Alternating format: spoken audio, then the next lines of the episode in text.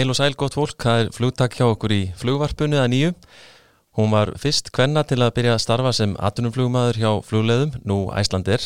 Ráðinn 1984 í innanlandsflug á Fokker Friendship F-27 og hún er í dag með reynslumestu flugstjórum Æslandir á Boeing 757 og 767 og hefur því eðlilega frá ímsu að segja. Sigriður Einarstóttir flugstjóri er gestur í flugvarpinu að þessu sinni.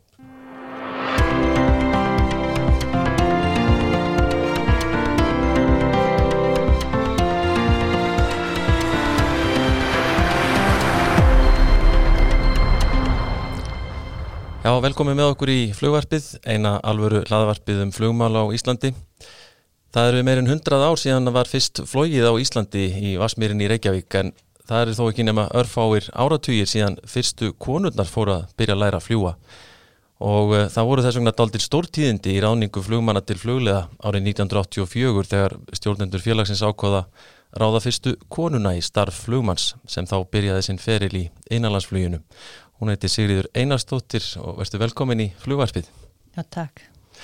Hvernig, ef við byrjum nú svona á þessum uppafs árum þínum í, í fluginu, uh, þetta hefur nú verið saga til næsta bæjar ímyndaði mér og þú þarna svona ákveðin brautriðjandi uh, fyrir konur á þessu sviði.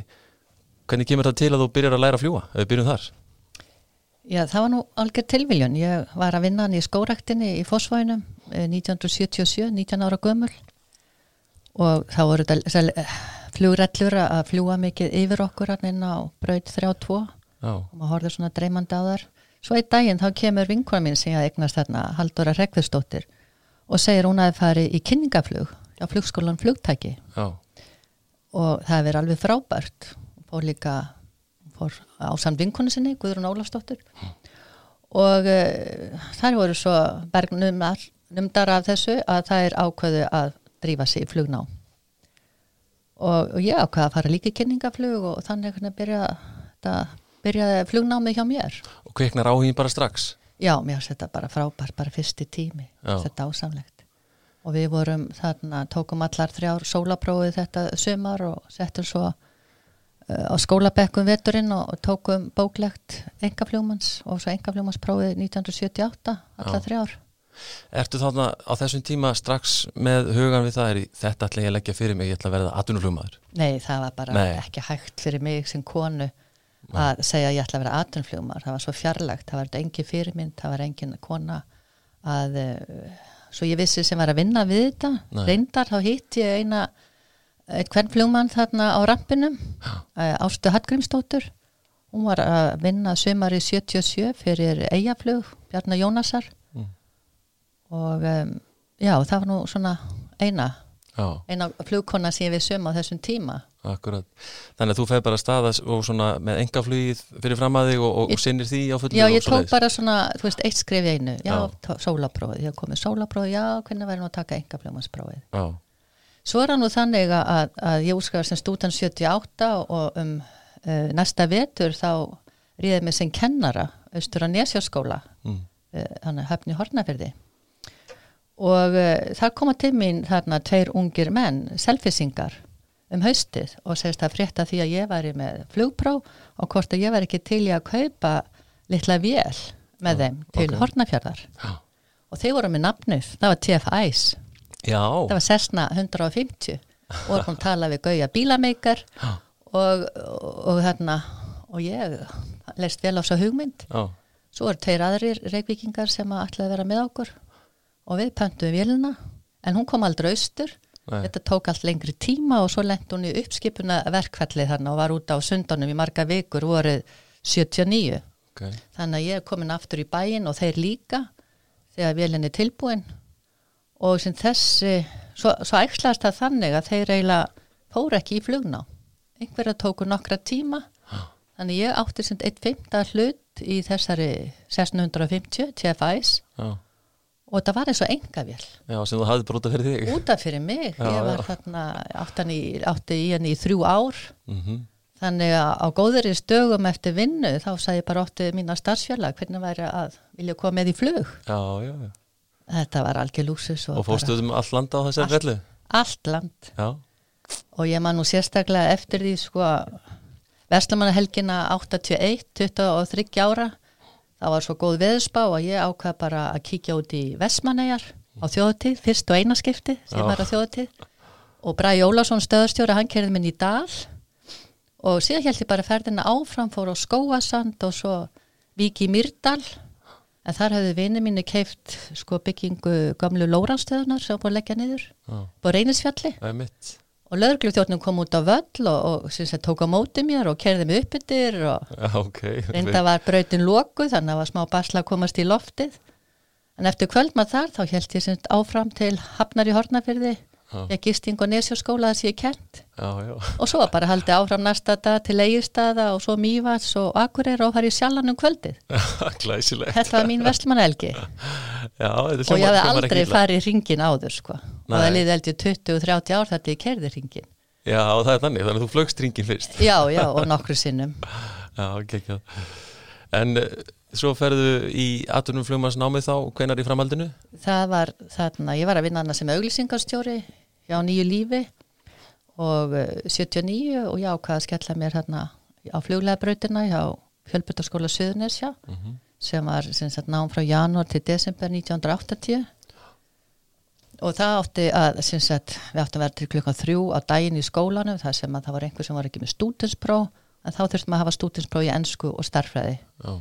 en ég þurfti að komast í bæin um hádegi til þess að geta unni, við, mína, við unni mitt starf sem auglýsingarstjóri oh. Þannig að við leistum það með því að þeir fóru í ennskunám í MH á kvöldin og ég tók að mér að kenna starfræðin á laugatöfum. Fekk stofur lánað í MS og var syndað þá sama tíma á, á launaskrá hjá skólanum. Ömlega þú ert í náminu? Já. já, já, það er ágætt.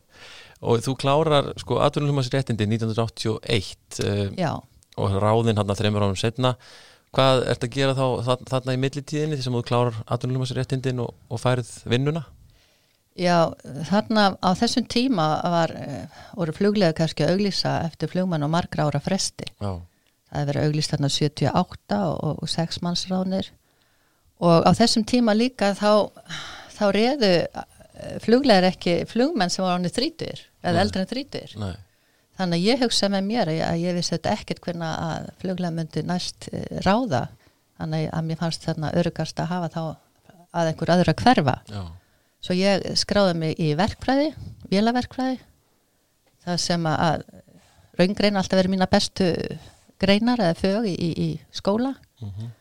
og, og átti þá þarna var ég búin að selja æs og kefti í svona blindflúsfjöld sem var Cessna Skyline Cessna 182 og uh, ég syns að þetta er þá í, í skólan var veturnar og flög bara tölvert á sömrin Já, akkurat En uh, þú nefndir áðan vinkonuðinar sem voru svolítið með þér í, í byrjun veistu til þess að aðrar konur uh, hafi verið að sækjast eftir því að fara í þetta nám fara, jafnvel sótt um kannski á þess að við vitum um það til, til eh, félaga eins og Æslandir eða annar jafnvel? Ég veit kannski ekki söguna alveg en mm. ég veit að ég, þarna voru tvær flugfröður sem ég vann með síðan mm. sem að eh, voru á flugfélag Íslands og þær fóru í flugnám og hafðu lokið þarna kringum 73 uh, bóklega aðdunljómasprófi á sótum það heita Svandís Magnúsdóttir og, og Margret Pálsdóttir, Kolli Lilla. Já. Og þær kom bara að lokuðu dyrum. Já. það var bara sagt við þær að, að það myndi aldrei ráða konur sáðu þjálfuna flugstjórarnir skils mér. Og til dæmis að ef við myndum missa uh, vökvakerfið hættuleikið þá myndi það ekki ráða við stýrin. Nei. en þó svo þar hefðu ekki lokið alveg öllum tilskildur réttundum þá voru Karkins flugmenn ránir á þessum tíma Já, á sama stað í, á í sama náminu. stað, já, já voru á sama stað í náminu Já, já Eh, þú nefndir það er bara ráðið þarna á maður margra ára fresti. Hvernig er síðan aðdragandin að því að þú ert ráðin? Já, það var þannig að voru 1984 þegar ég kom búið með þrjú ári í vélaverkvæðinni af fjórum. Þá fyrir að spyrjast út að, að flugleði muni þarna e, ráða, ráða flugmenn um haustið. Og ég var bara komið 400 tíma. Það þurfti að vera með 500 tíma.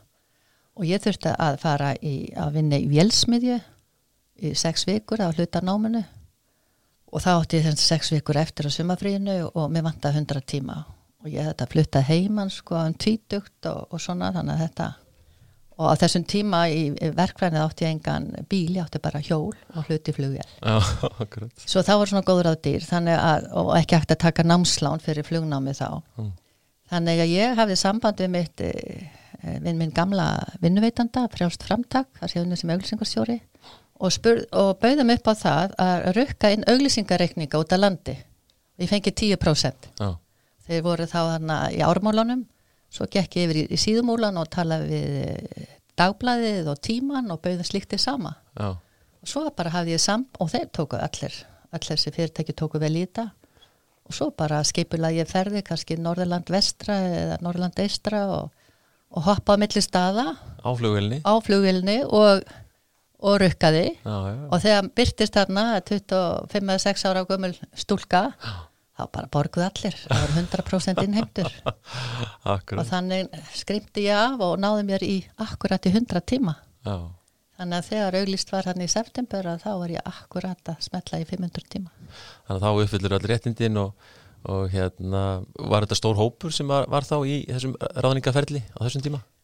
Já, ég var nú að rifjað upp einn dag við vorum 78 sem sóttum en bara 30 sem uppfylltu all skilirði Já. og fórum þannig í intökupróf það var svona personleika próf og sálfræðipróf og við talum við sálfræðing og eitthvað svona. Og líka verklegt í, í linkinu í kjallaranum og á loftleðum sem hörður Sigjónsson hana fljókstjóri fyrirvandi hafi sáum það var svona verklegt próf þar svona procedure-trainer og eh, já, svo fengum við voru eiginlega 15 ráðin það sem 13 og 2 til vara sem telmingur og hópnum.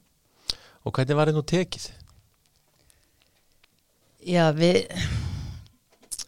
svo sem heyrði kannski eh, sem minn staði hvernig var talað um þetta en ég veit eins og sko að það var stór skref fyrir flugleður að ráða fyrstu konuna mm. það var mikið, eh, mikið talað um þetta gungunum, mötunitinu, kaffestofum og svona hvort Já. það væri komið á þessum tímapunkti og ég held að hafi sko hjálpað mér að, að ég þetta sendi ekki inn þannig umsókt fyrir að ég er með svona skotelda umsótt uppfyllast skilir þið og svo var ég að klára verkfræðina Já, það hefði hjálpað Já, ég held að það hefði hjálpað sko. og svo bara, kannski þarna bara réttan konan á réttum tíma réttum stað sko. það er þetta aðdrandi, þetta er 84 ég meina 1975 þegar ég er 17 ára þá er þetta kvennafrítárin mm -hmm. og svo er Vigdís, hún er kosin sem fósetti 1980 það var, það var svona ímislegt að gerast þannig í þjóðfélaginu árin og undan. Já, einmitt. Svona, jarðvegun var að breytast. Akkurat, en því það er ekki þannig að þú sért eins og, nefndi nú hérna áðan sko, eitthvað með eh, hvorki fólki í fjölskyldunni eða þannig sé fyrirmyndir eitthvað er nálagt eða mikið bakland þegar þú ert að fara í þetta allt saman? Nei, ekkert. Nei. Ég þekkti engan eila, já, Æslandir Nei. en mér erst óþægilegt þegar ég var að byrja að þekktu mig allir öll í búningi maður var alltaf í ákveðinu kassljósi ég harst að freka óþægilegt. Fegstu á tilfinningunni eitthvað að þú þurftir að gera ennþá betur en ella af því að þú ert í þessari stöðu? Já, það vissu þetta allir hverju var sko, ef að, ef að maður gerði einhvern feil, það var ekki bara einhver strákur sko, eitthvað Jón Jónsson þetta var. Hún eða Silla sem mm -hmm. kölluð, er kölluð. Nefnitt. og mér fannst ég svona fyrstu árin þurfa svolítið að sína og sanna að ég gæti flóið gagvar sumum. Veist, fyrst er það innanlands og svo teimar hún setna fyrir hann á Þóttu og Boeing 727 og svo á 757 og svo kem ég aftur innanlands fyrir flugstjóri. Með sér svona uh, þessa, á þessum tímabyljum fjórum sko, Já, svolítið svona sína og sanna pínulítið, undir auka álæg með að kannski strákana. Já, akkurat Og þú, einmitt, ferðað 727, er, er, er þú þá eina kona sem hefur flóið 727 hjá já. hérlendis? Já, já, já, ég fór á hana 1988 til 90 já. og þetta var þetta stór stökk. Ska trúa því? En, eh, og þessi vél fannst mér svona að vera öðruvísi heldur en aðra vél að segja flóið, til dæmis þegar maður sett á flapsa þá leita hann ekki upp á við, heldur niður á við, hann á eina vélinn sem hafa séð þannig og og svo eftirminnilegt til dæmis ég var að koma í fyrsta skipti inn til Osloar þannig að Fornubú flugvall sem var nú þannig að freka stuttur. Og ég ætla að taka bara svona fokkalendingu á þetta taka endan og draga alveg af. En ég gerði það ekki oftar vegna þess að það var svo hörlending að, að súrefnisgrímutna fjallu niður mörgum stöðum í farþegarými. En svo bætti ég nú upp einhverju viku setna þá lendi þarna eitthvað dúnjútt þannig að, að flugumferðarstjórin hafi orðaði þá vissu þetta ekkert hver var að fljúa nei, nei. en þetta var svona eina vélinn sem að maður þurfti alltaf að lenda á afli það var ekki alltaf að draga af sko. Nei, akkurat En hvernig fannst þér innanlandsflugið þegar þú ætti að byrja hana? Er þetta skemmtilega að vinna? Jú, en þetta voru miklu fleiri áfangastæðir heldur en setna meir við varum að fljúa að eins og inn á Norðfjörð sko, eigist á Norðfjörður og vorum Patró og Þingeri þú veist Einmitt. þannig að það var svo þetta Söðakrók og Húsavík og svo þessar staði sem við varum að fljúa í dag. Já. Jú, og svo þetta Grænland og Færiar þetta segja það nú þetta erfiðustu flugin svona á Færiar mm -hmm. stundu Grænland og svo þetta Ísafjörður alltaf. Challenging. Akkurat. Mm. En einmitt, þú nefndir þetta hérna áðan sko, þetta, þetta flakka á milli. Og þetta er náttúrulega eitthvað sem að um, fólk í dag er, er náttúrulega löngu breytt. Það er cirka 20 ár síðan að þetta, þetta breytist að fólk verður að flakka á milli millilandaflugs og innanlandsflugs. Að það skilði frá innanlandsflug þannig að hérna en, en fyrir vikið þá er þetta svona fjölbreyttara starf, ekki sett? Jú, og mjög gaman að hafa fengið að kynnast innanlandsfluginu. Mm. og eins og kannski fólk veit ekki í dag að e, það var engin sjálfstýringa á fokkar friendship, Nei. það var bara handflug Allt saman handflögið. Já, Já, og kannski þrjárferði til Akureyri á dag, enda þegar ég var búin að vera þarna ár innanlands að þá seldi ég bara hlutminn í, í æfærinu, EFR, vegna þess að ég fekk alveg útrás fyrir að fljúa. Já. á fokkarnum Þú þurftir ekki að fara litlu velarnir til þess að fá okkur út rás Nei, nei, nei Einmitt. Og, og svo þetta, já, að fara utanlands og koma svo aftur innanlandsflugið og, og það sem að líka er svo hér innanlands að þá það eru bara ratar á þremu stöðum mm -hmm. þú veist, á þess að minni staði. Þú er bara on your own sem maður segir, já, sko, einhver endi bíviti og einhver nál já, sem að bendir á ratjóvitan og og, og svo ertu kannski með einhvern algjör blöytan bak veirun í hægra sætinu sko eftir ég var flugstjóri. Já.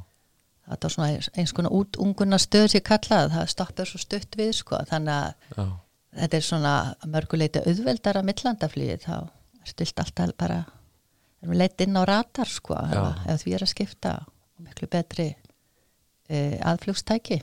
Eða mitt um, flugleðir fari að endur nýja flugflótan sinn hérna kringum 1990 og, uh, og þú fer þá á, á 757 er það þá uh, fyrsta flugstjóra staðan á, á þóttu? Uh, ég, ég byrja sem flugmaður 1990 á 757 og er þar í 6 ár en það sem var nú mjög gaman að ég er í fyrstu ráningunni á 757 við vorum bara 20 áhafnir þannig að ég fer í grunnþjálfun til Seattle, til Boeing og er þar í sex vikur. Þar sem tökum bóklegt og, og, og, og verklegt líka. Akkurat. Fekk að mínum að þetta er mjög góða þjálfun. Oh.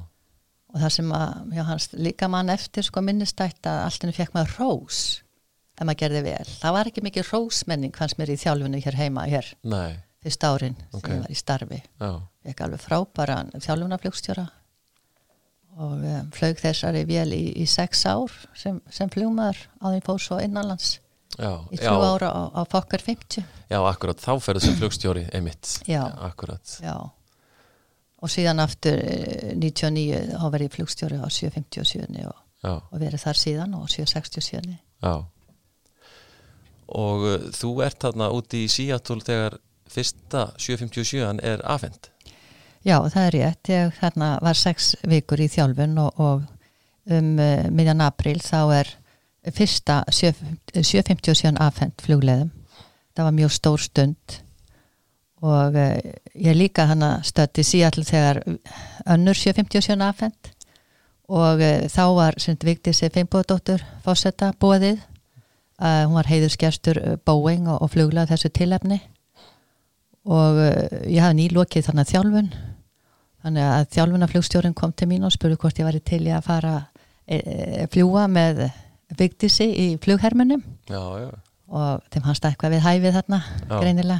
Og sjálfsögð vildi það og þetta er mjög minnistætt við fórum einn flugumferðarring mm. og það var alveg ótrúlegt hvað hún flög vel. Bara alveg magnað ég skil ekki enþá í dag hvernig hún fór að þessu. Hvernig gæti hún æft sig? Já, og, og svo, þetta var sem sagt annan mæ og þriðja mæ var uh, uh, FEE önnur vélinn afhend og við sem hafum nýlokið þjálfum þarna sem flugmenn við fengum svona að fljóta með, sátum hann aftast með öllu heiðusgestunum og þetta viktist aðalgesturinn. Mm -hmm og þetta var stóð stund þegar við lendum hér fjórða mæ eftir sex vikna úttald Já, með glæði nýja flugvel með glæði nýja flugvel og ja, nú eru þessar fyrstu vila sem komaðan í kringu 1990 búin að vera 30 ári í rekstri fluglega eða Æslander mm -hmm. og reynst okkur alveg gríðarlega vel ein vel FEE e var nú selt í fyrra til Capo Verde Airlines og þriðja velin FEJ er núna að fara í niður yfir og þá nú bara segja eins og er maður færhálk er svona stingi hjarta stað mm. að að rífa þess að vila niður það að hafa reynst okkur svo vel gríðarlega vinnu hestar að fljúa eitthvað um 120.000 flugstundu hver og einn mm -hmm. sem er um 1000 fluga árið eða þrjú fluga dag Já. en það hafa fengið alveg gríðarlega gott viðhald í okkar frábæru flugvirkjum Einmitt Mér langar að þessi þú hérna nefndi nú við mig um daginn uh, að bara tilviljun að, að þú ert flugstjóri í uh, fyrstu ferð svona þar sem eru engangu konur í áhöfnin á flugvel hérna innanars, ekki satt? Jú, jú, það var að það rifja það eins og fyrir okkur. Já, já, það var, þetta ég byrjaði sem flugstjóri 96 um vorið og, og þá, þá er hann að nýbyrjuð líka uh, flugmaður sagt Linda Gunnarsdóttir. Mm. Þannig að ég vissi þetta við einhver tíma kæmaði að við að fljúa saman. Svo bara ég skiptir í kölluð út í, flug og þá er hún fljómaður og þannig að fyrsta flugið með hvern áhöfn er þannig að 29. júni 96. 96 og það var errinu sko sem að var aðeins lengri en hinnar hinnir fókararnir þannig að það þurfti tvær freyjur þannig að við vorum fjóra konurnar Já, í þessari áhöfn? Já, já, Anna Maria Einars og Ingi Björgur Retta Gísladóttir Akkurat Var gert eitthvað í tilumlega þessu? Nei, ég man nú ekki eftir nema það var, jú, einhver fréttarittari fyrir norðan hjá degi, tók mynda okkur og, og ég auglísi nú hér eftir þeirri mynd sko. Já, okay. það er þá orginal. Já, Það er gaman að eiga hana. Já. En það er, má segja að það sé svona mikið vattur unnið til sjáa síðan að þú byrjaðir.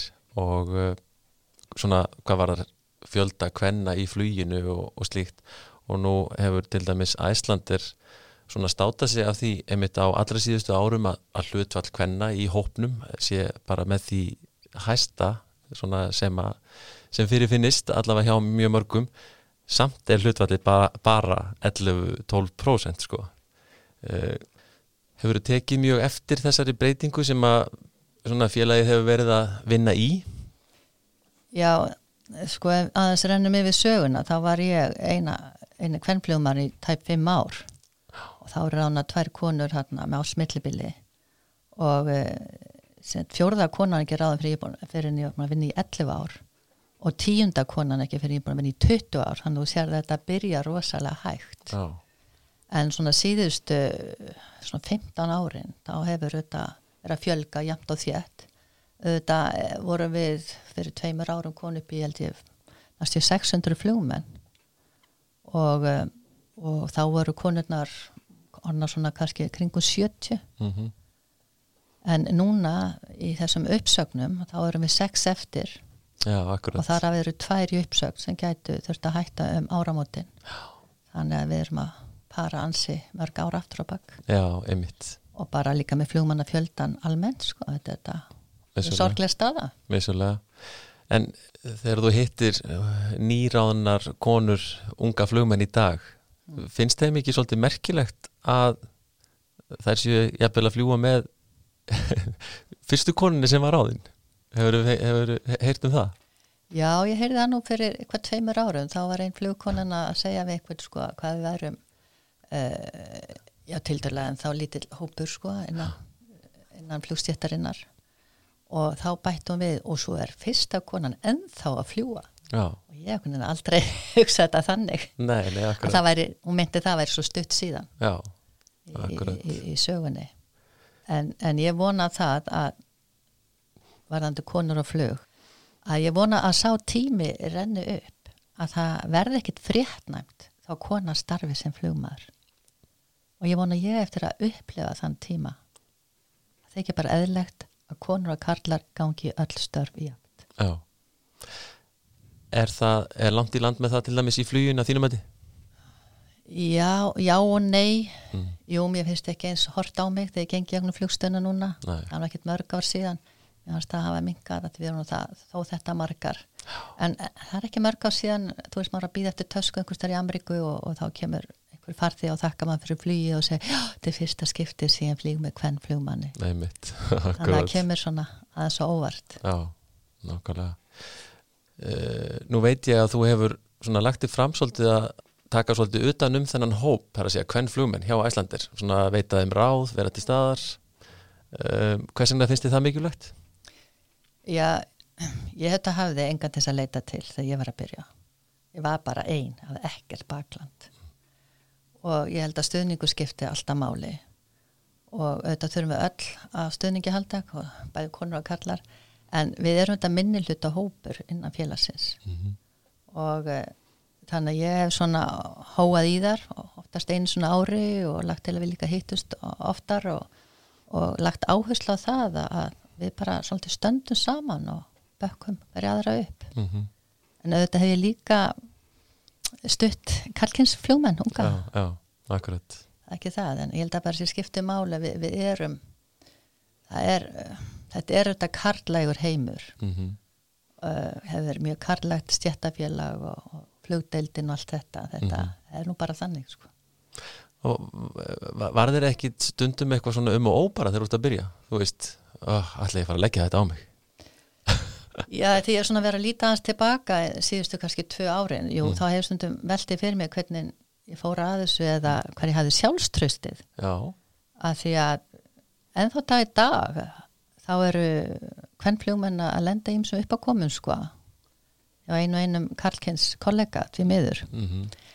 en ég vonandi er það nú bara búið en jú, en ég held það sko að það hefði komið sér mjög vel fyrir mig mm. að, að ég fór í verkfræðina ég var eina konan í námi í vélaverkfræði þannig að þetta var einhvern veginn svo orðið, hvað sé, eðlilegt umhverfi að vera eina konan í Já, í stórum hópi Í að karla Já.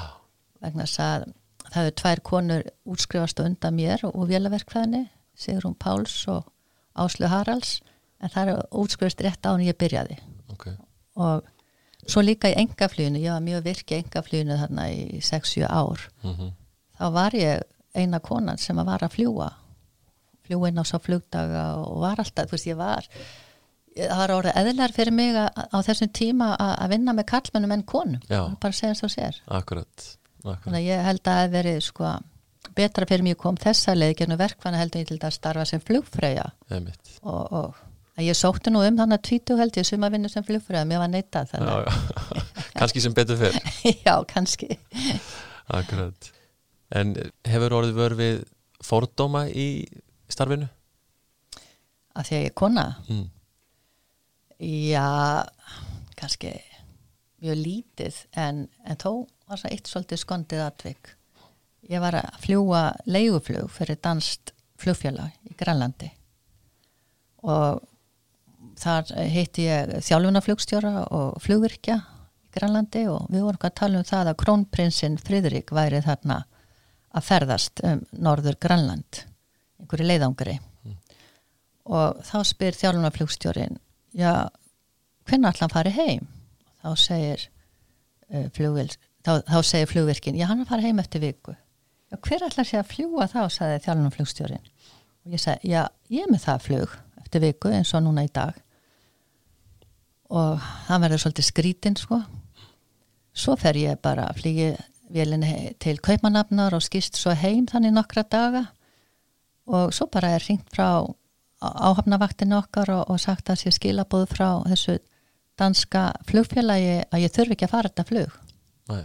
Vegna þess að þjálfuna flugstjóra ætla að fara og taka einhverja lendingaæfingar í söndri, sko, siður í strömsverði mm. Eða kangalúsuak eða svo heitir á grænlensku. En það hefði aldrei verið gert áður. Og flugmaður sem fór þarna út að borða með þessum þjálfuna flugstjóran kvöldi hann sagði að flugstjórinu hefur verið að sitt danski flugstjóra verið að töða þess að allt kvöld þetta væri nú ekki hægt að láta einhverju konu fljúa krónprinsinum heim. Nei. og það eru ekki Íslendingi. Já. þannig að maður getur svona brosað þessu 20 árum setna Já, er það ekki, það er eina, eina sem maður getur gert sko, akkurat Sko, hver er svona helsta breytingin getur eitthvað að sumera það upp í vinnu umhverfinu? Já, ég held að eins og við tölum um þá, þá komst inn á áðan, þá mm.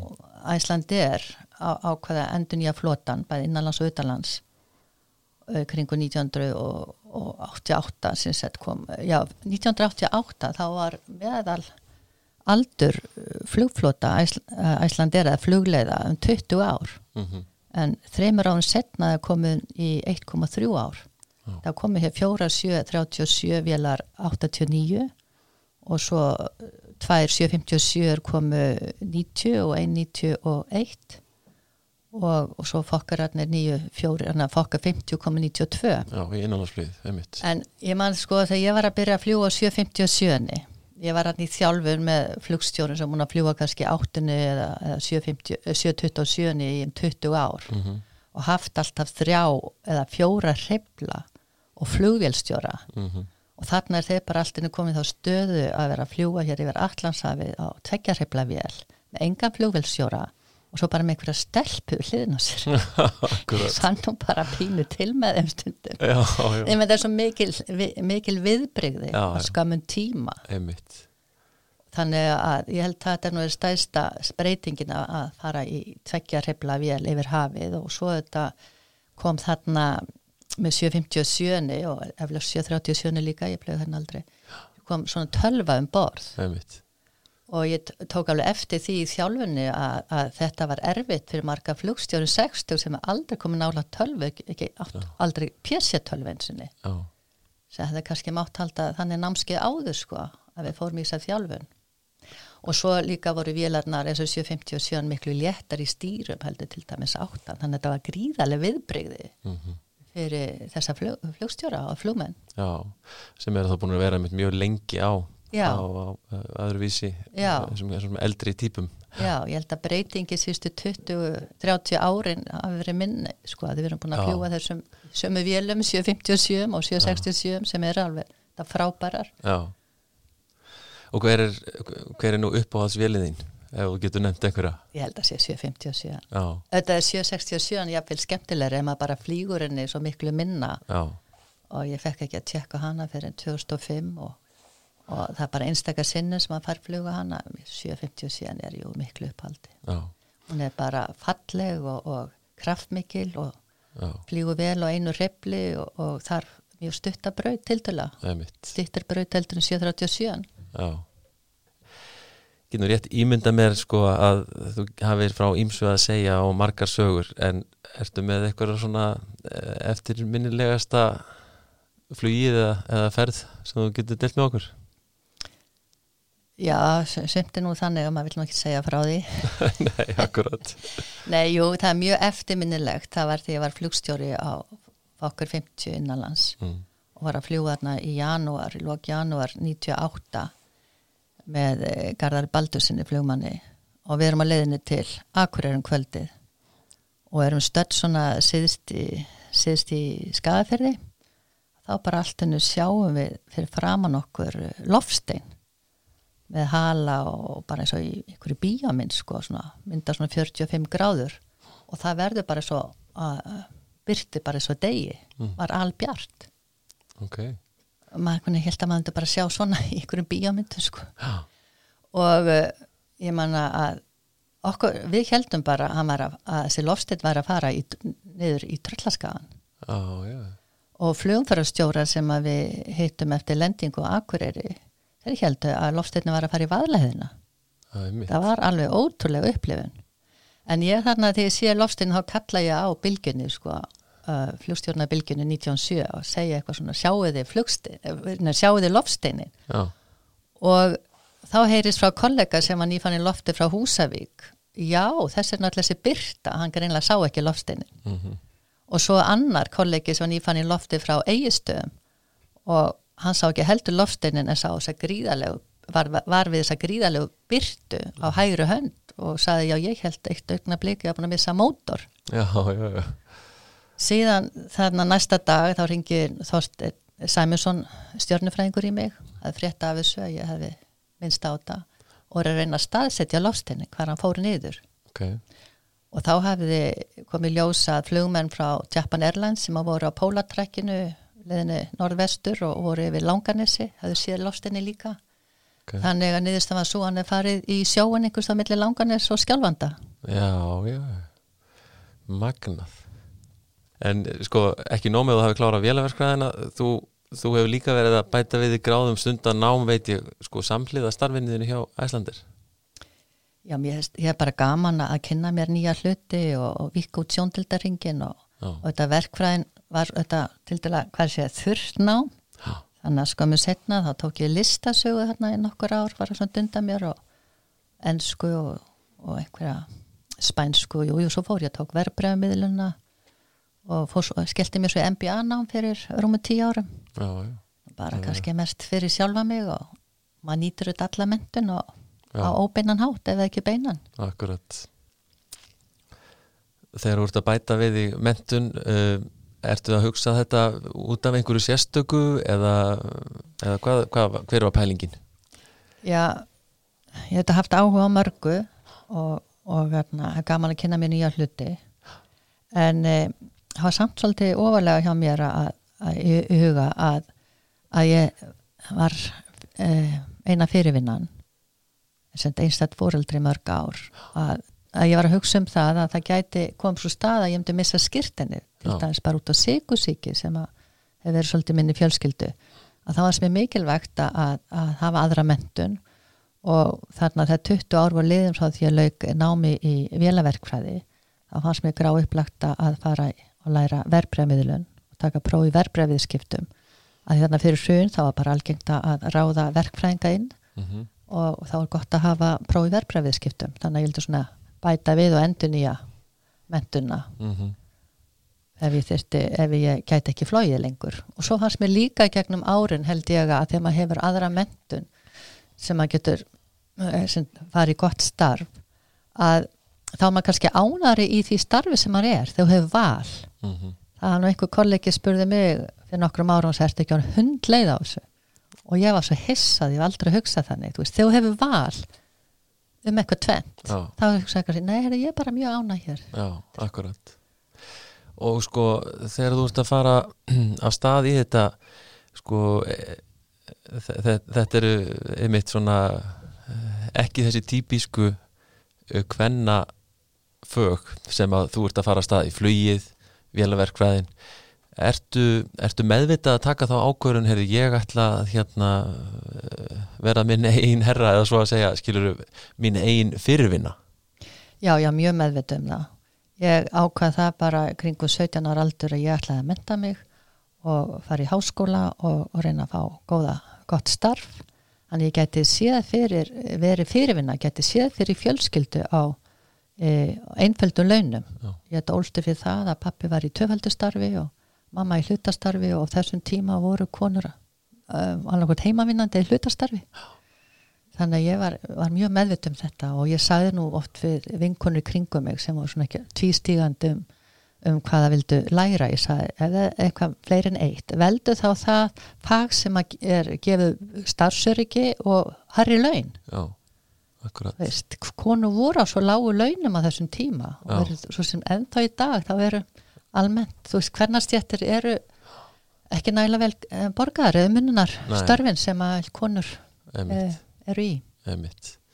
En, en hvernig gekk þér þá eh, þessu tengt að vera að byrja þinn feril sem atvinnumflögumæður uh, þú ert ung kona með fjölskyldu hvernig gekk þér að halda þessum uh, boltum öllum á lofti? Já, ég þarna egna spatt uh, 87 eftir, um, eftir tvei ári starfi. Og þá er þetta ekki til samningum varðandi barnegnafrí eða laun. Og ég rætti nú við mitt stjættafélagum það að er þið nú gengið eitthvað frá launum í, í, í fæðingarólofi og uh, en svo var nú þannig að því ég kem heim að fæðingaheimilinu með dóttir mín að viku gamla og er bara að opna dittnar að þá ringi símin og þá er það launagjálkeri hjá flugleðum sem spyrir mig þessar spurningar áttu að fá laun? Já. Ég þurfti nú bara fóð bara í ákveðin skýrin og saði sjálfsöðu á ég að fá laun. Og svo hefði ég sambandið stjættafélagi og þá hefði bara glemst að ræða við flugleðurum það. Já.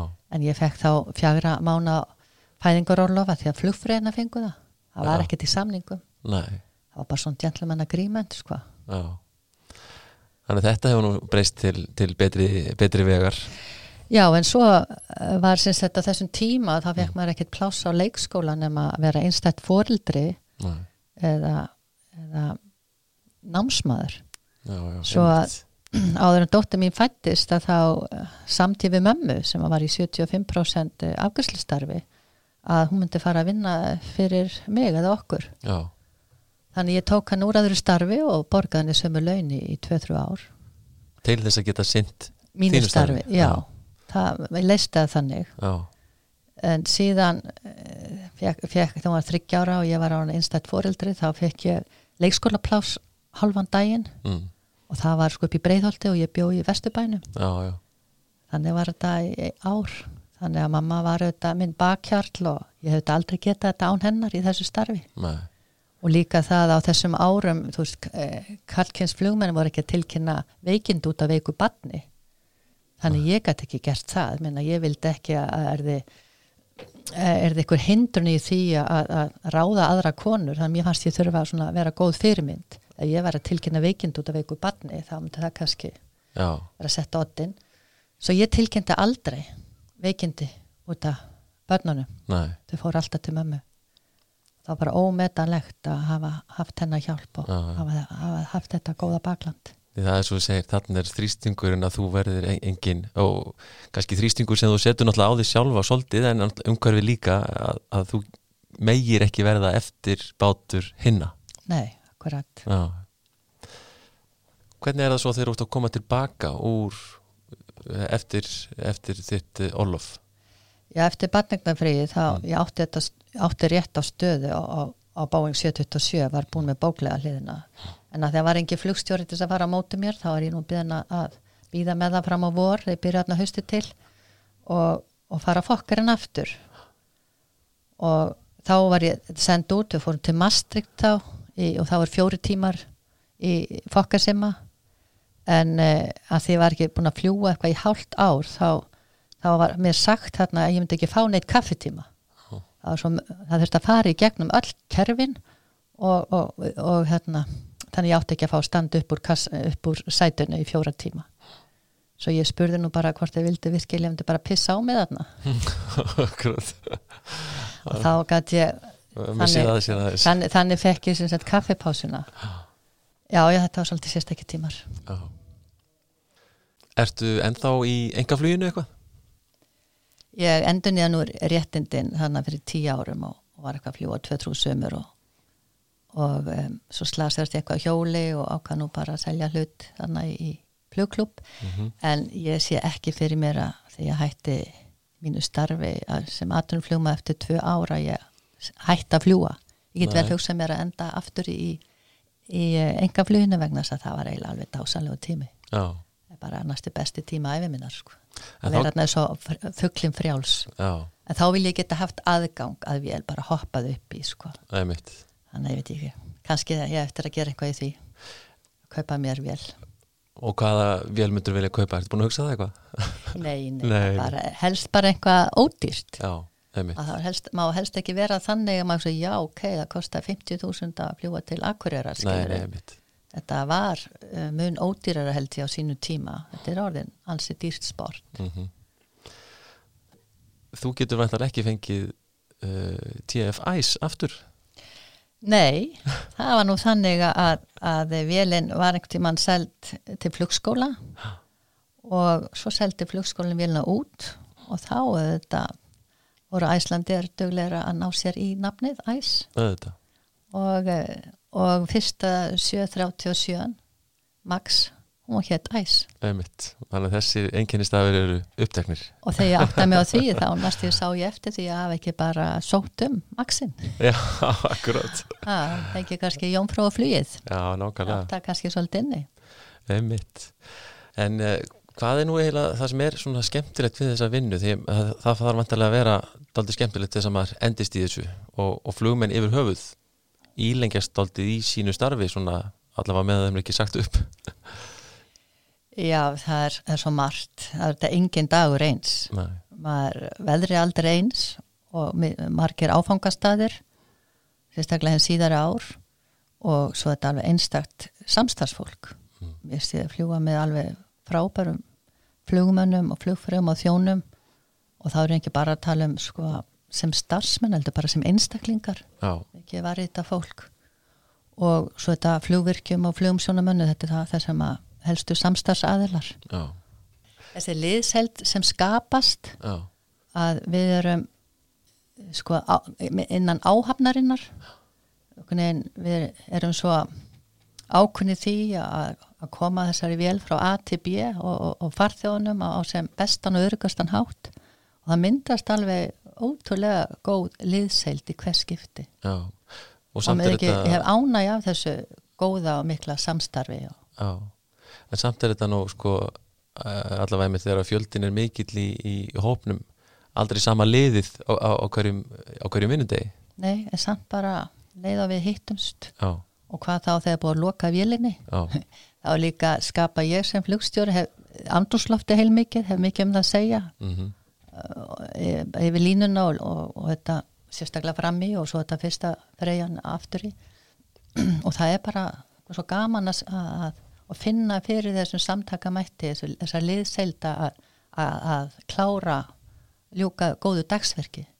Það er mitt og það, það er svo margt sem er heitlandi við flugið. Ég veist Ísland svo fallegt úr lofti bara eins og opin jarfræðibók og alltaf jafn stórkostlegt að fljúa yfir Grænland og Klettafjöllin og fallega skíamyndir myndanir ef við sjáum ekki land. En svo líka uh, sólsetri, sólar upprásin uh, stjörnubjartur heimin uh, dansandi norðurljós. Og eins og núna er að fara til eh, Boston eftir þá ég vona því að vera í sólalæginu eða allan tíman, fjóra klukkstundir bara dásamlegt. En svo er þetta líka gaman að takast á við erfiðar aðstæður erfitt aðflögu að lendingu. Það er svona alltaf ákveðn challenge í því þannig að þetta er bara mjög skemmtileg blanda. Það er mitt Þú nefndir aðan hérna með uppsagnirnar um, og við erum alltaf að sjá þær sem aldrei fyrr uh, þessi, þessa mánuðina. En hvað með þig sjálfa, hefur, hefur þú sett svona vel í þetta eða hefur lent oft í uppsögnum? Nei, ég hef aldrei lent í uppsögnum. Það var ekkert verið að segja upp sko fyrstu árin í, í mínu starfi eh, fyrstu eila 16 árin og svo að því við vorum innanlandsflugið það tók við ekki að flytja fólk alltaf á milli á haustin og vorin Einmitt. og það kostnaði samt, þannig að við vorum alltaf yfirmönnuð á veturnar. En, eh, en þeir sem byrjuðu eftir 2000 cirka þegar það var búið sé kalla að slíta innanlandsflugið frá og sikkur flugmann og hópurinn hafa lent í uppsögnum eh, fyrstu haustin og eftir, kannski 1, 2, 3 ár svo hafa líka verið áföll eins og 11. september þar sem að fólk misti jafnvel vinnunni í 2-3 ár og svo í hrun, kjölfar hrunsins Einmitt. 2008 og svo aftur núna þessi koronavírus þannig að þetta er næstu 10 ára fresti þar sem fólk er kannski að missa vinnuna þau, er yngstu í 2-3 ár. Mm en þetta hefur aldrei verið jafn slæmt og núna þegar 80% af mannskapnu hættur og, og eh, helmingunin í, sem eftir er í uppsögnum. Frá með fyrsta januar þannig að maður bara ekki trúað í síðslim februar að, þetta væri framöndan, nei, er ekkert okkar. En uh, eins og þú segir, það eru búin að vera mörg áföllin. Uh, Ertu bjart sín með framhaldið? Eða hvernig sínist þér hálfa? Já, við verðum að vera björnsinn það er eina leiðin. Fólk mun halda áfram að ferðast bara um leið og er búin að ná tökum á þessum faraldri. Það er mitt Sigriður, það er búið að vera frábært að fá þig hérna í flugvarpið og deila svona smá brotið af þinni merkilegu sögu með okkur. Uh, hvenær kemur svo bókin? aldrei að vita Aldrei að vita uh, Ég skal trúa því og geti nú örgulega skrifað ímislegt um, um hérna, það sem að þú hefur ert búin að upplifa á þessum langa ferli, ekki satt? Jú, það er svona, ég er að rífa þetta upp þessa dagana, nota, nota tíman að setja minnispunta á blad, bara svona fyrir mig og, og mína allavega. Já, læsilegt. Eh, flugvarpið hveður af heimavel doktorfútból í Kópavóðunum að sinni. Ég ætla að þakka aftur fyrir frábæra viðtökur á flugvarpinu og hveti ykkur til þess að leggja áfram við hlustir. Láta orði berast og gerast áskrifendur á, á Spotify og Apple podcast og hvað þetta nú heitir allt. Það er nóg framundan af áhugaverðu efni og nóg um að tala þegar það kemur að fluginu auðvitað. Takk fyrir að hlusta og góða stundir